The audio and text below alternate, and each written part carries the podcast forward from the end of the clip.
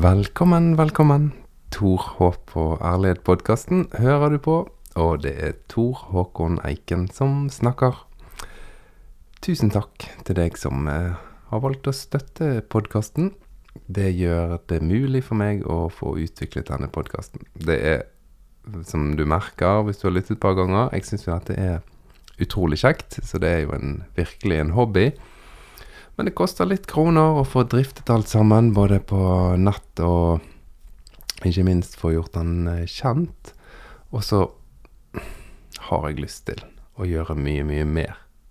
Jeg har lyst til å treffe flere folk og utvikle samtalene til å inneholde flere mennesker og nye emner. Ikke minst har jeg lyst til å treffe flere folk som kan hjelpe oss til å forstå Bibelen i dag. For jeg ser det av eh, henvendelsene som jeg får. Så er det én ting som går igjen, og det gjør meg glad.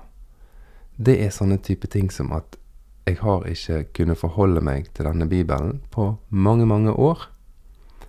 Men podkasten og samtalene du har med gjester, har hjulpet meg til å lese på nytt og tenke nye tanker rundt bøkene. Det må jeg si varmer meg, for det, det er litt det jeg kjenner sjøl. At disse møtene jeg har med ulike folk, det, si, det løfter blikket litt når jeg leser. Um, ja, jeg, skal, jeg, kommer litt tilbake til det seinere i podkasten. For det er noe av saken med den teksten som vi skal lese i dag. Jeg kommer til å legge ut igjen den eh, lenken til dette her. Det heter Patron-programmet fordi at jeg bruker en amerikansk løsning for å publisere. Og det Patrion-programmet, der kan du registrere deg som støttespiller for Tor Hopp og Ærlighet-podkasten. Det betyr veldig mye. Har du tenkt på det, at hvert eneste menneske du møter, egentlig er en bok? Hvert eneste menneske har sin fortelling. En fortelling som kan eh, slå beina helt under deg. Det trenger ikke være dramatisk. Men hvert eneste menneskeliv er jo en fortelling om tap og seier og nederlag og gleder og sorg og smerte. Akkurat nå, rett før jeg satte meg ned her for å lage denne episoden til deg, så var jeg ute og gikk en liten tur. Og så har jeg arvet en egenskap, jeg tror det er mest fra min far, altså. Og jeg vet ikke hvorfor det er sånn, men jeg har en tendens til å hilse på folk som jeg ikke kjenner, og prate litt. ikke fordi jeg har noen veldig nysgjerrighet eller sånn, det er bare Jeg blir innimellom veldig glad av noen ting. Sånn Der så jeg en uh, mann. Han uh, Jeg tenkte at han hadde afrikansk uh, opprinnelse. Og så hadde han det så veldig koselig med en liten jente. Og så hilser jeg på.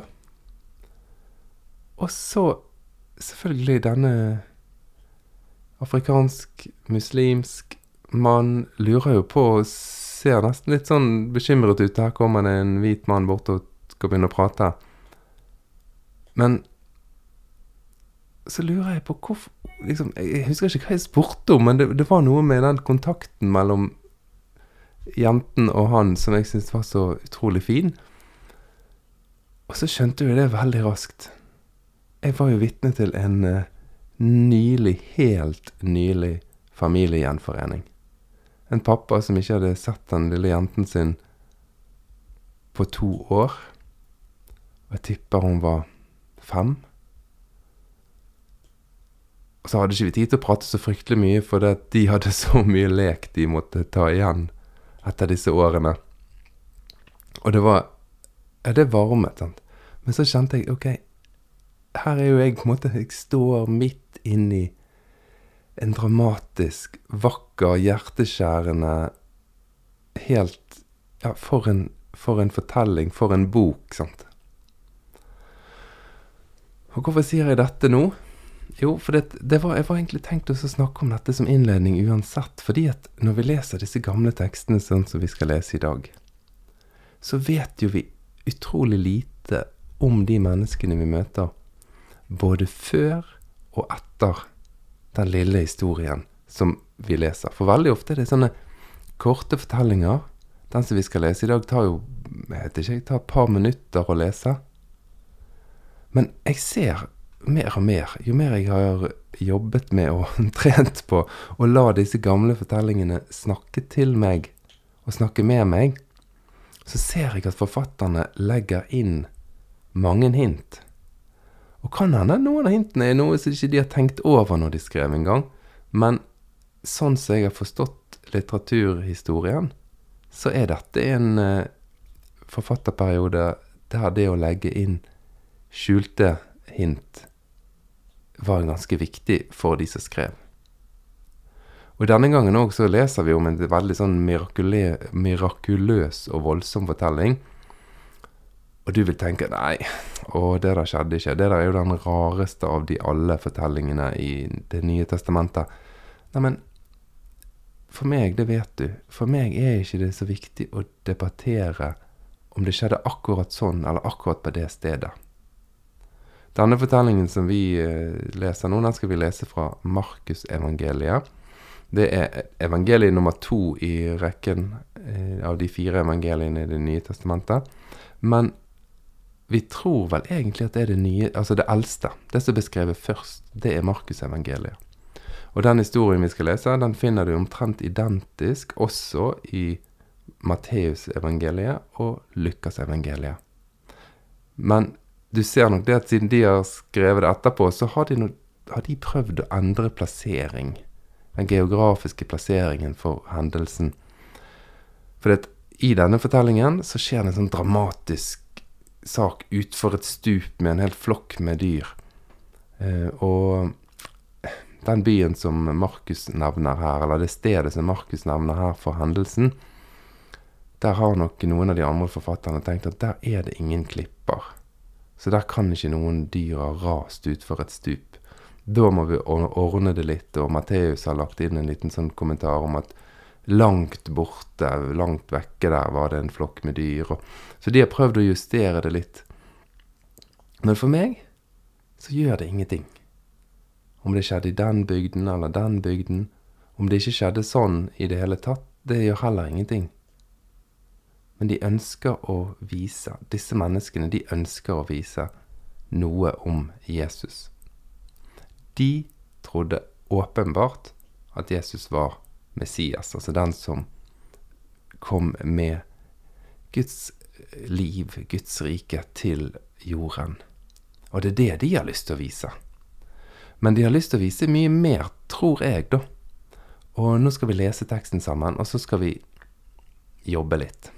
Det er én ting jeg må Én ting Én ting til jeg må si før vi leser. Og det er at vi har en tendens til å ta et stort problem, en stor tanke, og så en, liksom, Hvis du ser for deg en stor trakt, og så begynner vi helt oppe øverst i trakten med et stort problem, og så i vår europeiske kultur så strammer vi og strammer og strammer og strammer inn, og så kommer vi ned til ett vers fra en hellig tekst. Og så sier vi dette er fasitsvaret på den store utfordringen vi snakket om. Men jeg tror vi må lære litt av f.eks. Ervin Kohn, som du hørte, kanskje har hørt i en tidligere episode, han fra Det mosaiske trossamfunnet. For i den kulturen så virker det som en begynner heller med en liten del i en hellig tekst, og så stiller vi spørsmål. Ok, jeg skal prøve å illustrere det. Hvis noen bryter et sabbatsbud, altså noen arbeider på en helligdag, så har vi i vår kultur hatt en tendens til å si at ja, vi forstår det at uh, du trengte å samle ved i dag fordi at det var kaldt i huset og dere hadde ikke fått laget mat. Men zzt, ned til fasiten. Det er ikke lov. Men hvis vi snur på den lesingen, da, og så begynner vi istedenfor med den tanken om at du skal ikke jobbe på helligdagen. Og så stiller vi spørsmål hvorfor skrev de det? Hvorfor kom de frem til den loven? Hvem var det den loven hadde noen betydning for? Og så begynner du å tenke hm, dette er jo en kultur der slaveri er helt innarbeidet. Det er en tid i samfunnet der det å bruke vold og makt til å overta andres familier og eiendom og land, var helt vanlig. Det var den som var sterkest, som tok den andre. Og når du da var en trell, en slave, hadde du noen fridager? Nei, overhodet ingen. Så når denne her loven understreker at ingen skal jobbe en dag i uken, alle skal ha fri, også poengtert slaver, treller, tjenestepiker osv. Til og med dyrene dine skal hvile denne dagen. Så ser du at det er en ganske radikal lov i retning av å gi rettigheter også til de som er undertrykt. Så da kan du begynne på ett, en liten sak i den hellige teksten, og så kan du begynne å tenke videre. Ja, hva er hjertet bak en sånn lov? Hvorfor er det viktig å skape regler og rammer for de svakeste i samfunnet? Og så begynner du å skjønne at ja, men da er jo ikke menneskene til for å tilpasse seg denne helligdagen, men denne helligdagen er til for å gi rettigheter til alle mennesker. En helt omvendt trakt, da. Istedenfor å begynne med ja, vi forstår denne store problemstillingen, dette er veldig vanskelig, men nei. Fasiten sier du skal sitte i ro. Så snur vi på det, og så ser vi hvorfor er denne loven blitt sånn? Jo, det er til rettigheter, og det er til fordel for hvert eneste menneske. Spesielt de som er marginalisert. Så når vi leser teksten i dag, så skal vi først lese hele teksten. Og så skal vi prøve å begynne på noen av disse her smådelene av teksten. Og så skal vi stille noen spørsmål, og så bevege oss litt ut i det store rommet. Er du med meg? Skulle ønske du kunne svare, for da hadde du sikkert sagt ja, dette er jeg interessert i. jeg håper i hvert fall det. Ja, Hvis ikke, så hadde du ikke hørt på denne podkasten. Ja, kapittel fem i Markusevangeliet, altså det andre evangeliet i Det nye testamentet. Så kom de til den andre siden av sjøen, til Gerasena-landet. I det samme han steg ut av båten, kom en mann mot han fra gravhulene. Han hadde en uren ånd i seg, og holdt til der i gravene. Ingen var lenger i stand til å binde ham ikke engang med lenker. For ofte var han blitt bundet med fotjern og lenker, men lenkene rev han av seg, og, og fotjernet sprengte han. Ingen klarte å rå med ham. Natt og dag for han skrikende omkring i gravhulene og i fjellet, og skamslo seg selv med steiner. Da han fikk se Jesus langt borte, kom han løpende, kastet seg ned foran og ropte høyt, Hva vil du med meg, Jesus, du Guds sønn, den høyeste, jeg pålegger deg ved Gud, pin meg ikke. For Jesus hadde sagt til ham, Far ut av mannen, du urene ånd. Nå spurte Jesus han, Hva er navnet ditt? Han svarte, Mitt navn er Legion, for vi er mange. Og han bønnfalt Jesus opp at han ikke måtte sende dem ut av området.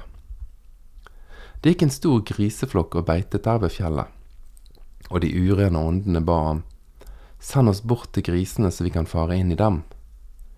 Det ga han dem lov til.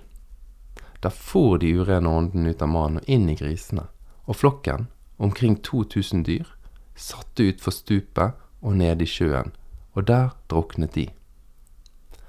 Grisepasserne løp av sted og fortalte det i byen og ute på landet omkring, og folk dro av sted for å se hva som hadde hendt. Da de kom fram til Jesus, så de han som hadde hatt alle onde åndene i seg, sitte påkledd og ved sans og samling. Da ble de grepet av frykt. De som hadde sett på, fortalte dem hvordan det var gått for seg med han som hadde hatt de onde åndene, og med grisene. Og de bønnfalt Jesus om å dra bort fra området deres. Jesus gikk i båten, og han som hadde hatt de onde åndene, ba om å få være med ham. Men Jesus ga ham ikke lov til det. Han sa, Gå hjem til dine og fortell dem alt det Herren har gjort for deg, og hvordan han har forbarmet seg over deg. Han gikk av sted, og begynte å gjøre kjent i Dekapolis alt det Jesus hadde gjort for ham, og alle undret seg. Og da vet jeg, nå står jo spørsmålene i kø her, for det er ja, det er jo en av de merkeligste historiene rundt Jesus. Det er det ingen tvil om. Men det er noen spørsmål jeg må få lov å ta opp med deg. Jeg vet ikke helt hvor vi skal begynne. Kanskje vi skal begynne med denne legionen. Som sagt, hvert menneske du møter, har jo en historie. Og denne mannen hadde mange sår. Det sier, vi, sier han. En legion var vel 4000-6000 eh, soldater, mener jeg jeg har lest et sted. Det kan korrigeres, og du kan helt sikkert google det. Men en legion er iallfall mange. Og sånn er det vel. Altså, mennesker som opplever å få et skikkelig sår, kanskje tidlig i livet Det utvikler seg fort til å bli mange, gjør ikke det det? Ikke det det vi ser? Altså Disse vanskeligst og store sårene som er veldig synlige for mennesker, de har ikke begynt der. De begynte ikke pang, rett på. Rusavhengig, tungt rusavhengig. Nei, det er mange. Det er mange ting som edder opp, og ofte så er det ett sår som fører til et annet sår. Som fører til noen veldig dumme valg som en angrer på, som igjen gir et større sår, og som fører til at du angrer på at du kunne velge så dumt, som i seg sjøl blir et stort sår. Denne mannen, han hadde mange sår.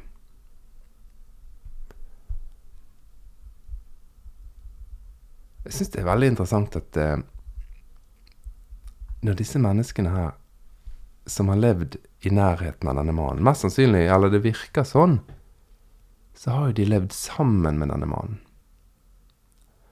Så kjenner jeg at når jeg leser han, så begynner jeg å lure på hvorfor har han blitt bundet? Er det bindingen som har ført til sårene? Altså det at folk har lagt lenker og bånd på han, trykket han ned med skam, er det det som har gitt sårene? Det er jo fort å lese det som en sånn Nei, de har prøvd å beskytte han. De har prøvd å hindre han i å skade seg sjøl, så vi har lenket han fast. Men det, sånn trenger ikke det å være her. Det er ganske åpenbart i historien at det kan like godt være at de har lenket han. Altså, de har bundet han fast til en skam, til en sorg, til et sår. Men nå klarer ikke de å binde han lenger. Nå har han revet seg løs fra det, og nå har han flyttet ut til gravene og da skader han seg sjøl. Det har jeg skjønt. Ja, heldigvis Nei, jeg vet, ikke, jeg vet ikke hva jeg skal si det, men Det er vanskelig jeg, jeg, Det er heldigvis sånn at det er vanskelig å forstå. Det kan jeg si. Men jeg har skjønt at mennesker som har blitt såret, gjerne fortsetter å såre seg sjøl. En fortsetter å skade seg sjøl som, å, som om for å få kjenne at en fortsatt eksisterer. Og en annen ting som jeg har skjønt, det er at hvis du har et stort og vondt sår, så er det skummelt at det såret forsvinner. Så pin oss ikke ved å ta fra oss angsten. Denne angsten er jo blitt en av mine nærmeste følgesvenner. Jeg har den alltid med meg her. Så la meg ikke slippe den. Det er kanskje ikke så rart at denne mannen sier det til Jesus. Nei, dette vil jeg ikke endre. Dette må jeg ha, for dette er det jeg kjenner. Dette er det jeg har hatt i livet mitt. Men i alle fall, fortellingen sier at møtet med Jesus gjorde at denne mannen slapp sårene. Og hvis disse folkene som bodde i denne byen, hadde lenket han av omsorg, så vil jeg stille deg spørsmålet hvorfor blir de da så redde? Altså, hvis du har prøvd å hjelpe en person, over lang tid. Og du har til og med måttet gjøre noen valg for den personen som er skikkelig vonde å gjøre. Jeg må faktisk lenke deg fast. Og så kommer du til en situasjon der du ser at denne personen ikke har lenkene på seg lenger. Og som, står, som, forfatteren skriver, sitter ved full sans og samling og prater med Jesus. Hva ville reaksjonen vært da, hvis det var ekte omsorg vi hadde gjort dette i? Ville ikke vi da blitt glad? Denne personen er ved sans og samling og sitter med klær på. Har fått sin verdighet tilbake. Det, det sier nå forfatteren her. Har fått sin verdighet tilbake. Sitter der og prater med Jesus. Hvorfor blir vi redde hvis noen får sin verdighet og blir løftet opp? Er det fordi at vi har lenket de fast? Og prøvd å holde de nede, lenket de fast til den skammen, til det såret, som vi kanskje har vært med å påføre de. Kanskje det er frykten for at den historien jeg har fortalt, den fortellingen jeg har fortalt om dette monsteret, at den ikke er sann. Hvis du har vært med å bygge opp bygdeuhyret bygdeuhyre rundt en person, med baktalelser og stygge fortellinger, og du har fortalt barna dine om hvor grusom og sprø og farlig den personen der er. Du bare lenket han til, eller hun, til en historie. Om en tragisk skilsmisse, om en abort, om en utroskapsskandale, om en vanskelighet. Altså hva som helst. Du har vært med å bygge opp dette monsteret, og du har lenket han fast til den fortellingen. Ja, Hvis denne personen da river seg løs fra de lenkene, og sitter med sans og samling og prater med en person, ja, da kan vi vel bli litt redde. Nå kan vi bli avslørt. Nå kan fortellingen våre som vi har levert til våre barn, nå kan de skjønne at den er faktisk ikke helt sann. Det er ikke sikkert det er denne personen som er monsteret i fortellingen. Det kan være meg. Og jeg som har fremmet min omsorg ved å lenke denne personen fast, og vist at jeg har en veldig kjærlighet, så nå må jeg bare passe på at disse lenkene er på denne personen, og at han ikke kommer løs. Da kan jeg bli avslørt. For hvorfor ellers skulle de være redd for at vedkommende sitter ved sans og samling og prater med Jesus?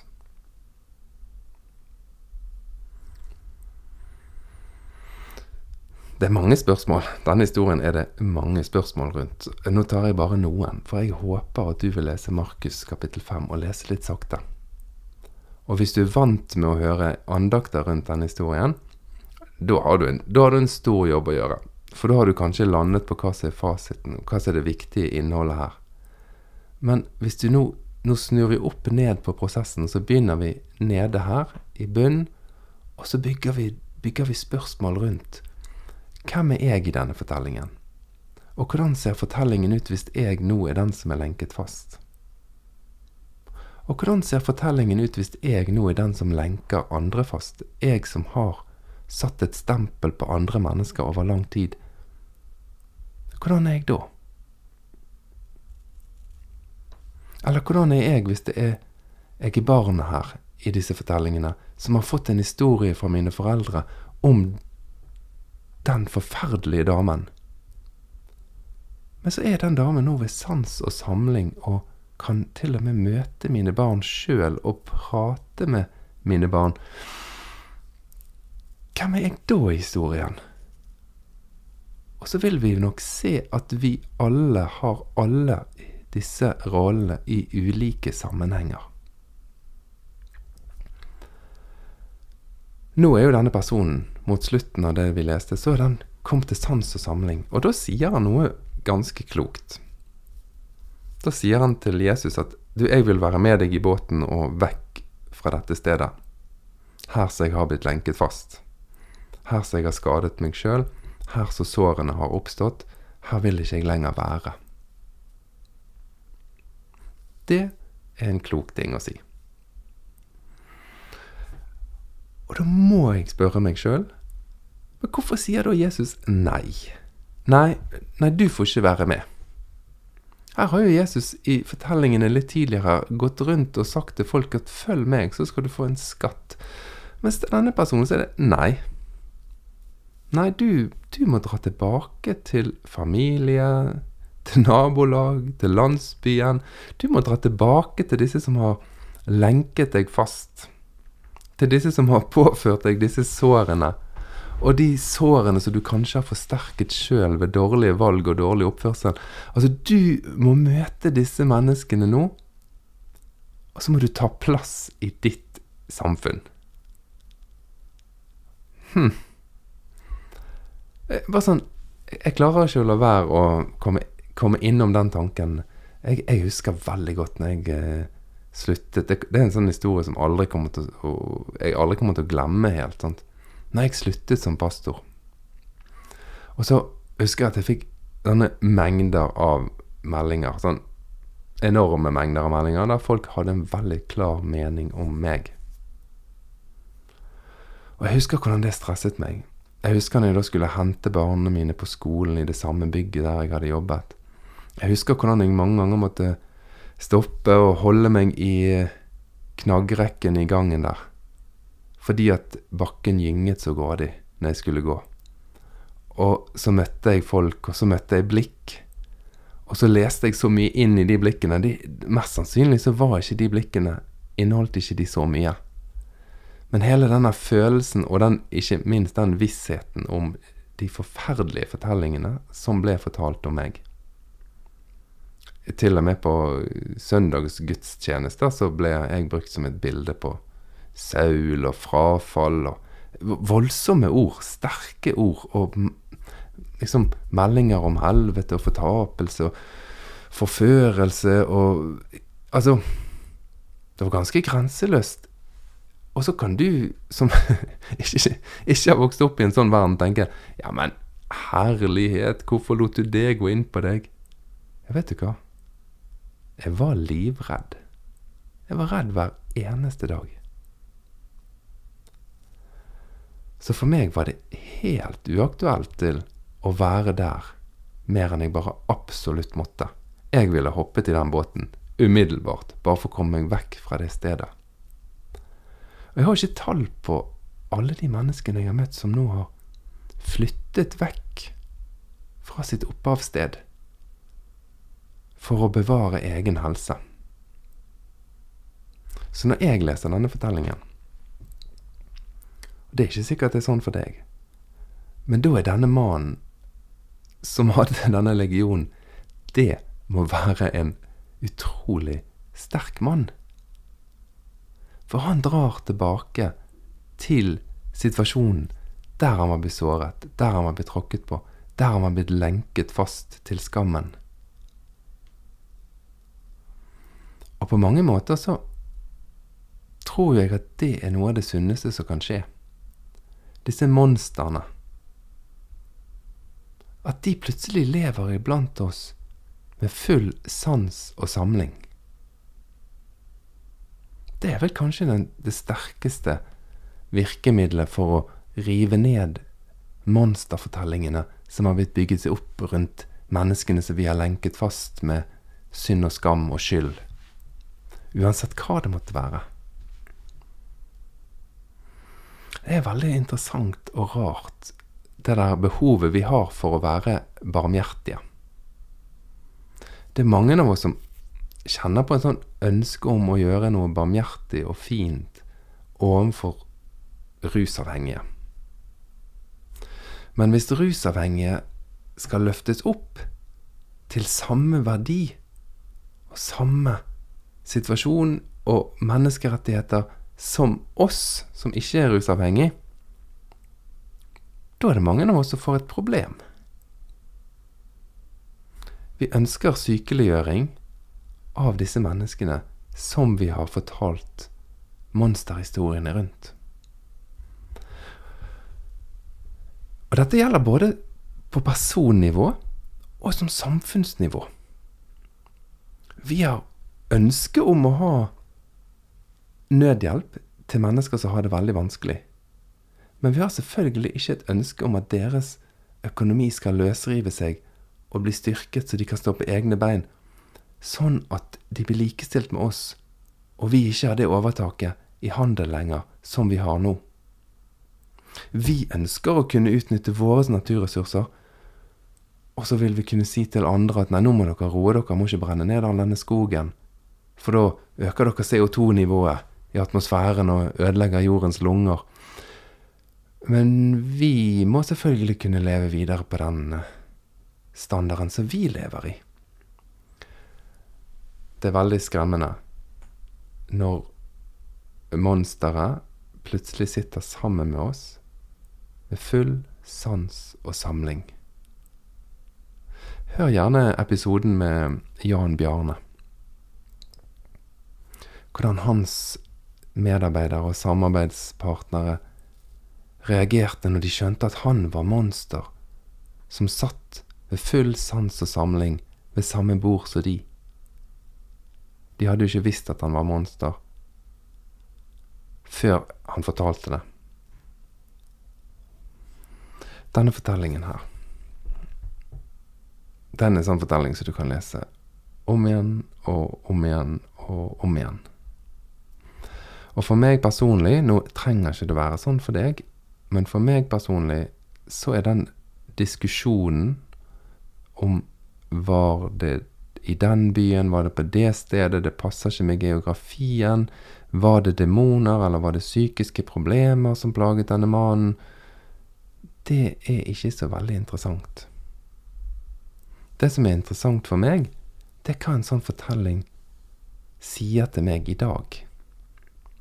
Og i dag så har ikke folk demoner. Men i dag har folk psykiske utfordringer. De har sår og skader. Og de fleste av de er blitt påført. Det har blitt mange fordi at det begynte med ett sår, og så øker det på seg.